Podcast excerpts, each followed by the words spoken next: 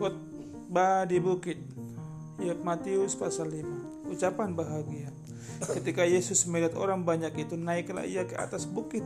Setelah ia duduk, datanglah murid-muridnya kepadanya. Maka Yesus pun mulai berbicara dan mengajar mereka.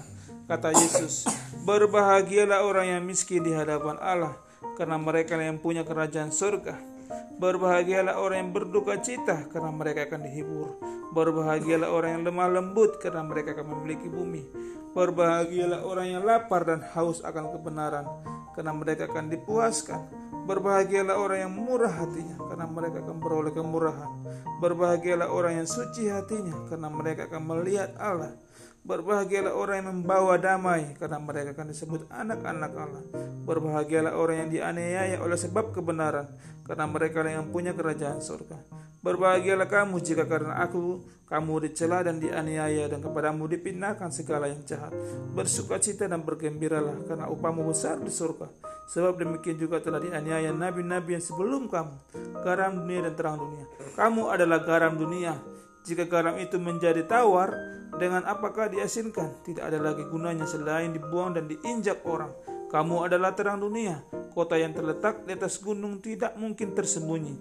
Lagi pula orang tidak menyalakan pelita lalu meletakkan di bawah gantang, melainkan atas kaki dia sehingga menerangi semua orang di dalam rumah itu. Demikianlah hendaknya terang bercahaya di depan orang supaya mereka melihat perbuatanmu yang baik dan memuliakan Bapamu yang di surga. Yesus dan hukum Taurat.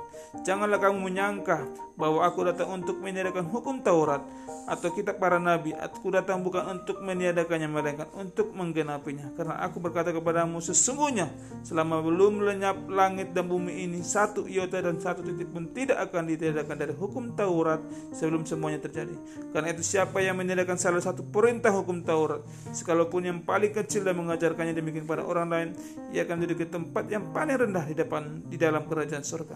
Tapi siapa yang melakukan dan mengajarkan segala yang diperintahkan, segala perintah-perintah hukum Taurat, ia akan menduduki tempat yang paling tinggi dalam kerajaan surga.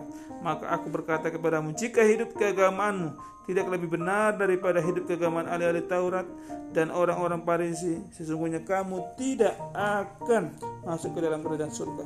Kamu telah mendengar yang dipermakan kepada nenek moyang kita, jangan membunuh atau siapa yang membunuh harus dihukum. Tapi aku berkata kepadamu setiap orang yang marah terhadap saudaranya harus dihukum.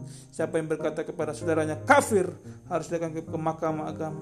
Dan siapa yang berkata kepada jahil harus diserahkan ke dalam neraka yang menyala-nyala Sebab itu jika engkau mempersembahkan persembahanmu di atas mesbah dan engkau teringat akan sesuatu yang dalam hati saudaramu terhadap engkau, tinggalkanlah persembahanmu di depan mesbah itu dan pergilah berdamai dahulu dengan saudaramu, lalu kembali untuk mempersembahkan persembahanmu itu. Amin.